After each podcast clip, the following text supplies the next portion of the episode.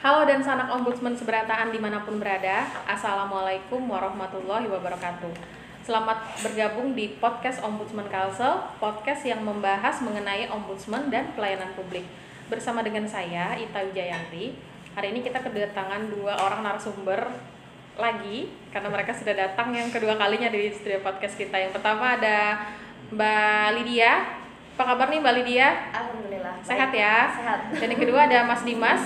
Apa kabar Mas Dimas? Alhamdulillah. Baik ya.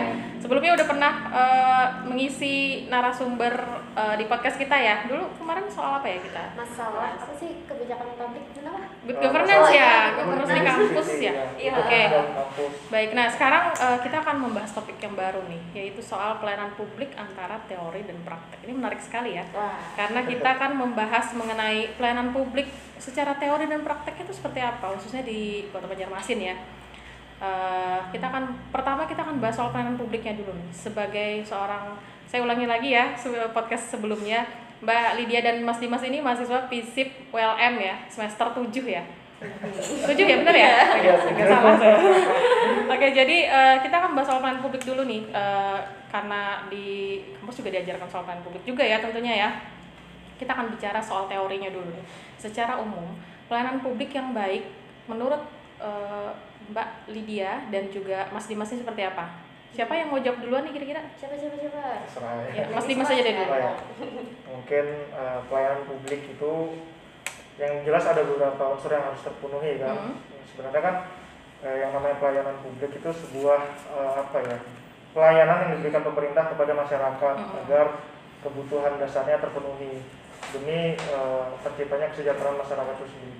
Tentunya di dalam pelaksanaan pelayanan publik, eh, pemerintah juga harus memiliki eh, sarana dan prasarana yang lengkap. Nah, sehingga membantu memudahkan eh, pelayanan publik itu sendiri. Kemudian mungkin eh, sumber daya dari pelayan pelayan publik itu sendiri harus memiliki kecakapan sehingga tidak eh, eh, tidak membuat bingung orang yang mau mau datang ke pelayanan publik Harus itu sendiri. kompeten Ya, ya? harus berkompeten. Baik. Kalau dari Ma- Mbak Lydia sendiri nih Mbak Lydia, pelayanan publik ini teorinya tuh seperti apa yang yang yang kira-kira oh bagus nih pelayanan publik yang bagus tuh harus seperti ini seperti itu. Ada nggak? Kalau menurut dia sih pertama sih yang paling penting sih masalah sarana dan prasarananya kayak Berarti gitu. eh, setuju dengan pendapatnya Mas Dimas tadi ya? Iya perlu dong SDM-nya kalau misalnya pelayannya bingung mau ngelakuin apa ya apalagi yang pemohon layanannya kan Hmm. kalau misalnya nggak ngerti udah makin amburadul gitu ya sarana dan prasarana sarana dan prasarana sih kayak gitu kan kalau misalnya sarana misalnya Mhm. uh, sistem informasinya yang Hmm. terbuka misalnya kalau misalnya pelayan ah pemohon pelayan nih mau misalnya uh, ngakses data ini tuh enak habis Hmm. itu juga kayak sarananya eh prasarananya mungkin uh, dari kantor atau tempat layanan tersebut tuh menyediakan uh, ramah yang disabilitas terus juga Ramahan buat ini Ah, ya. ah, ah, ramah disabilitas ya. ramah anak dan perempuan yang pasti kayak gitu kan habis itu juga kayak eh, sistemnya itu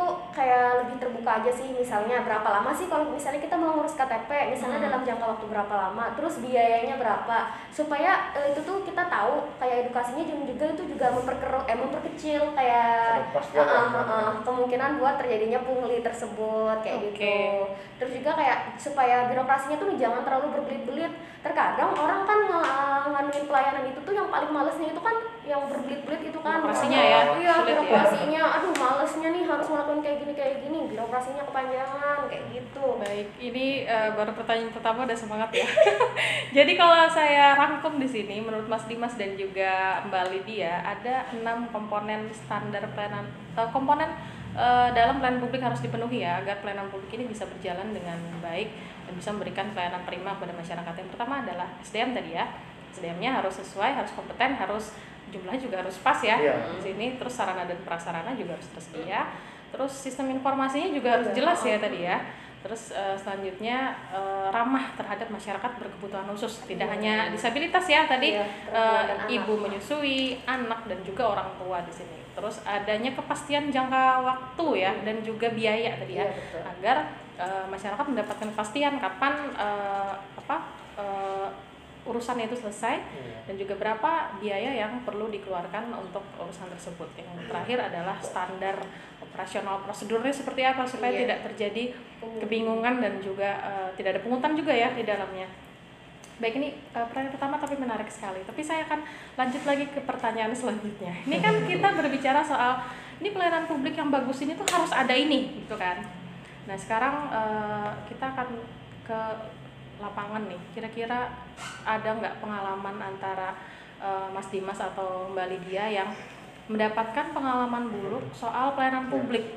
Kira-kira Mbak Lydia sendiri nih, eh, saya minta dua contoh nih. Ada yang bagus dan yang nggak bagus. Kira-kira ada nggak? Dia karena mahasiswa jadi dia menjelaskan di ranah kampus aja kali Ya ya. silakan. Mungkin kalau di daerah kampus itu yang masih kurang pelayanan publiknya mungkin kayak sarana prasarananya buat teman-teman yang disabilitas kayak itu nah Hmm. masih belum merata gitu. Terus juga kayak beberapa uh, maaf WC gitu nah masih ada yang masih kecampur antara laki-laki dan perempuan. Nah mungkin itu Oke. masih yang perlu diperbaikin sih. Dan nggak semua sih masih ada beberapa lah fakultas yang masih belum memperbaiki itu. Terus juga uh, kalau misalnya tempat layanan yang pelayanan publiknya bagus itu Lydia pernah ngurus STNK waktu itu di Samsat Banjarmasin yang di depan STNK. kampus. Ah, STNK. Nah itu uh, rulesnya uh, benar kayak ada papan-papan informasinya nih kalau misalnya mau ngurus STNK di sini terus Hmm. apa aja berkas yang diperlukan buat menganunya Syaratnya Terus, lengkap uh, berarti ya? syaratnya lengkap terus juga di situ tertulis juga kalau misalnya mau ngurus STNK berapa lama waktunya kayak Hmm. lengkap udah semuanya jadi kita tinggal rajin-rajin baca sudah tahu kayak gitu Itu Oke. sih. Oke, jadi eh, selain dari sisi pemberi layanan juga melengkapi standar operasional Mm-mm. prosedur, dari sisi pengguna layanan juga harus cermat membaca ya Iya, di sini ya. Kalau misalkan ada aturannya tapi mereka tidak baca juga Iya, mereka tidak iya. paham. Kalau misalkan dari Mas Dimas sendiri nih ada pengalaman nggak Mas Dimas? Pengalaman soal eh, diberikan pelayanan publik yang tidak bagus dan juga yang menurut Mas Dimas sudah bagus nih. Oh ya, mungkin tadi kalau Mbak Lydia tadi di dalam kampus, kalau saya yang saya alami di di luar kampus. Jadi mungkin sebelumnya eh, saya jelaskan dulu. eh, sekarang nih kita apa ya paradigma terkait pelayanan publiknya agak melenceng menurut saya dan Hmm. itu harus dibenahi karena di paradigma sekarang ini bahwasanya lembaga yang memberikan pelayanan publik itu adalah lembaga penyedia. Nah, harusnya mereka menjadi pelayan, artinya dia yang melayani masyarakat, bukan sebagai orang yang menyediakan. Otomatis pelayanannya harus lebih baik. Mungkin kalau pengalaman saya sendiri, kalau yang buruknya dulu nih, Hmm, dulu waktu saya pertama kali aja. pertama kali bikin KTP, Mm-mm. itu datang paling pagi, Mm-mm. tapi saya dilayaninya sampai sore sore Nunggunya sampai sore, sore. iya nunggunya sampai sore baru dapat jatah buat rekam apa Foto ya. ya buat rekam foto Eh, saya lihat orang yang baru datang kok langsung dilayani Mm. ternyata setelah saya cari tahu harus ini dulu ada maharnya Oh, ada uang ya mukanya dulu. ada uang mukanya baru baru dilayani nah itu pengalaman pengalaman pertama saya mengurus eh, sesuatu di kantor Hmm. pemerintahan dan itu menurut saya pengalaman buruk saya Hmm. ya mungkin kalau yang bagusnya lagi sama sih seperti seperti Mbak Lydia kemarin waktu di Samsat Hmm. kemarin waktu saya mau bayar pajak eh, ternyata ada aplikasi yang namanya Samsat online jadi Hmm. situ saya cukup memasukkan nomor plat plat motor saya jadi tahu nih pajak saya berapa kira-kira Hmm. Eh, di situ kita juga bisa daftar antrian ngurus di Samsatnya jadi ketika kita Dapat datang antri ya. sudah dapat nomor antri tinggal bayar sama berkas-berkas sudah selesai Estimasi biaya berarti Ya, sudah ada di sudah dalam ada. aplikasi. sudah ada eh, sistem pemerintahan berbasis elektroniknya udah diterapkan Ya, di Samsat ya. Samsat. Baik, nah ini tadi eh, kita bicara soal pelayanan publik secara umum. Tapi tadi Mbak eh, Lydia sudah nyerempet-nyerempet ke kampus ya. Baik, nah sekarang kita bahas soal sebagai generasi muda, sebagai eh, mahasiswa dan juga mahasiswi ini di kampus eh, yang eh, tentunya kan merasakan pelayanan publik dalam sektor pendidikan seperti itu. Nah, apakah eh, ada nih kira-kira di kampus ini yang kira-kira sudah menurut Mbak Lydia dan Mbak Dimas oh ini sudah ini patut diapresiasi dan ini adalah inovasi yang bagus dan apalagi nih kira-kira hal-hal yang harus dibenahi di kampus agar ke depannya eh, pelayanan publik eh, dalam sektor pendidikan ini bisa lebih baik dari sekarang. Mungkin eh, Mbak Lydia nih yang bagus sama yang kurang bagus di kampus mungkin yang pertama itu dari kampus itu dari kampus Iridia sendiri tuh punya banyak eh, lembaga-lembaga yang memang eh, banyak. Misalnya nih kita masih eh, perlu lembaga yang memang kita mau belajar nih masalah bahasa Inggris dan bahasa Indonesia dan alhamdulillah kampus tuh juga sudah menyediakan itu kayak gitu. Nah jadi kayak kita kalau mau belajar nggak usah jauh-jauh nih nanti ke luar dan berbayar kayak gitu. Kita cuman dari kampus aja tuh bisa. Terus juga dari kampus tuh juga kita kalau misalnya mau ngakses apa sih kemarin tuh ya? Oh ya punya sekarang tuh punya program Simari. Jadi orang tua itu bisa ngakses nih mahas anak-anaknya nih bisa kuliah eh bisa kuliah eh, berangkat kuliah atau enggak. Jadi di Simari itu tuh di orang tua bisa ngemantauin tuh nih anak hari ini bolos gak sih? Nih anak hari ini masuk gak sih? Jadi di kampus itu sudah menyediakan kayak Simari kan khusus uh, portal mahasiswa nih. Nah sekarang tuh ada uh, item eh item sistem baru yang di situ tuh akun orang tua. Jadi orang tua itu tuh punya akun sendiri dan bisa ngontrol anaknya gimana perkuliahannya itu. Itu kayak aplikasi gitu ya? Iya, itu namanya aplikasi Simari. Nah, Simari. Tapi mungkin kalau misalnya yang kurangnya, kalau dari kampus itu masalah akses berita, informasi, melihat kita eh, ini misalnya mau beasiswa, nah itu agak susah. Jadi mahasiswa itu dituntut aktif buat nanyain ke pihak mahasiswaan. Jadi kalau misalnya eh, mahasiswa nggak ngerti dan mahasiswa lagi nggak berada di pusaran kampus dan nggak rajin-rajin cari sendiri, itu kita nggak ngerti kayak gitu. Dan mungkin eh, ada beberapa yang Lydia temuin juga sih untuk salah satu beasiswa tuh eh, pihak fakultas eh, nganin orang-orang terdekatnya kayak gitu. Nah misalnya saya kenal sama ini, ya itu yang saya kasih informasi kayak gitu. Jadi masih penyebaran informasi perihal beasiswa dan anunya tuh masih agak eh, minim sih kurang gitu. Oke, jadi ini ya tidak ke- keterbukaan informasi soal uh, Beasiswa, beasiswa masih belum ini ya, belum maksimal ya. uh-uh, Hanya iya. secara apa sih kalau misalkan istilahnya itu ya mulut uh. penyebaran cuma dari mulut ke mulut aja. Kalau misalkan dari Mas Dimas sendiri nih Mas, apa yang kira-kira di kampus eh, tidak hanya di FISIP ya, tapi kan Hmm. ini kan lingkungan ULM kan luas Hmm. sekali, banyak sekali fakultas yang ada di situ. Iya. Apa nih kira-kira yang bisa diapresiasi dari eh, universitas yang ada di tempat Mas Dimas dan apa kira-kira saran yang kira-kira oh ini perlu diperbaiki seperti itu? Oh, iya. Ya, makasih Mbak. Eh, kalau saya mungkin dari pengalaman saya sendiri lah Hmm. terkait kesehatan. Waktu itu teman saya pernah sakit gigi di kampus. Mm-mm. Saking sakitnya tuh sampai izin keluar kan. Akhirnya Lebih baik sakit hati daripada kan? ke apotek kejauhan, coba-coba ke apa eh, pusat kesehatan di dalam kampus. Mm-mm. Nah, setelah diurus-urus, alhamdulillah dapat obat dan itu gratis dan menurut saya itu sangat Hmm, membantu. Jadi kita sebagai mahasiswa merasa eh, Terbantu. lah Hmm. karena pelayanan kesehatan yang gratis. Kemudian juga saya lihat di trotoar kampus juga mulai ada ininya eh, apa lah dipasangin buat orang tunanetra itu. Oh iya, jalur Eh, buat jalur netra ya? ya, Hmm. cuma masih belum seluruhnya belum menyeluruh. Mm-mm. Yang saya lihat masih di Banjarmasin. Mm-mm. Kalau untuk di Banjarbaru mungkin eh, belum ada. Mungkin ke depannya bisa supaya adil nih kampus yang Banjarmasin ada, yang sebagian baru ada. Mm. Sama mungkin satu lagi sih yang saya sesali di kampus kami sendiri kan ada toko retailnya sebenarnya toko retail milik, milik swasta di dalam Iya, iya, kampus. iya. Nah sedangkan kalau di kampus sendiri itu ada organisasi yang namanya Kopma, Koperasi Mahasiswa. Iya. Jadi dia mengembangkan usaha jualan ini, jualan itu. Hmm. Dengan masuknya toko retail tadi, usaha kawan-kawan kami Kopma ini jadi Iya. Jadi turun ya? bukan turun lagi bahkan sangat jarang yang sedikit juga mbak mau nambahin yang masalah koma itu tadi. Jadi kayak pendirian toko retail swasta Ya. itu tuh dari kampus sendiri tuh nggak ada pemberitahuannya mbak. Hmm. Kayak nggak ngerti gimana sih SK-nya gimana Terus juga nanti surat perjanjiannya gimana Terus juga toko tersebut itu eh, gimana sih kontraknya jangka panjangnya gimana. Jadi ketika kami mau cari informasinya tuh kayak susah kayak gitu nah nggak ngerti kayak dilempar. Ini sebenarnya retail ini nih wewenangnya siapa? Ini siapa yang megang kerjasamanya nih yang megang megang tuh siapa gitu. Dan sekarang ah al alhasil toko retailnya tuh kan kosong tuh. Jadi kayak bangunan kayak gitu aja kayak gitu. Nah jadi kayak nggak ngerti aja masih belum terbuka tuh terus juga di, sa- eh, di kampus juga punya itu kafe ya kafe mandiri. Itu Kafe hasil mandiri. kerja sama sama salah satu bank.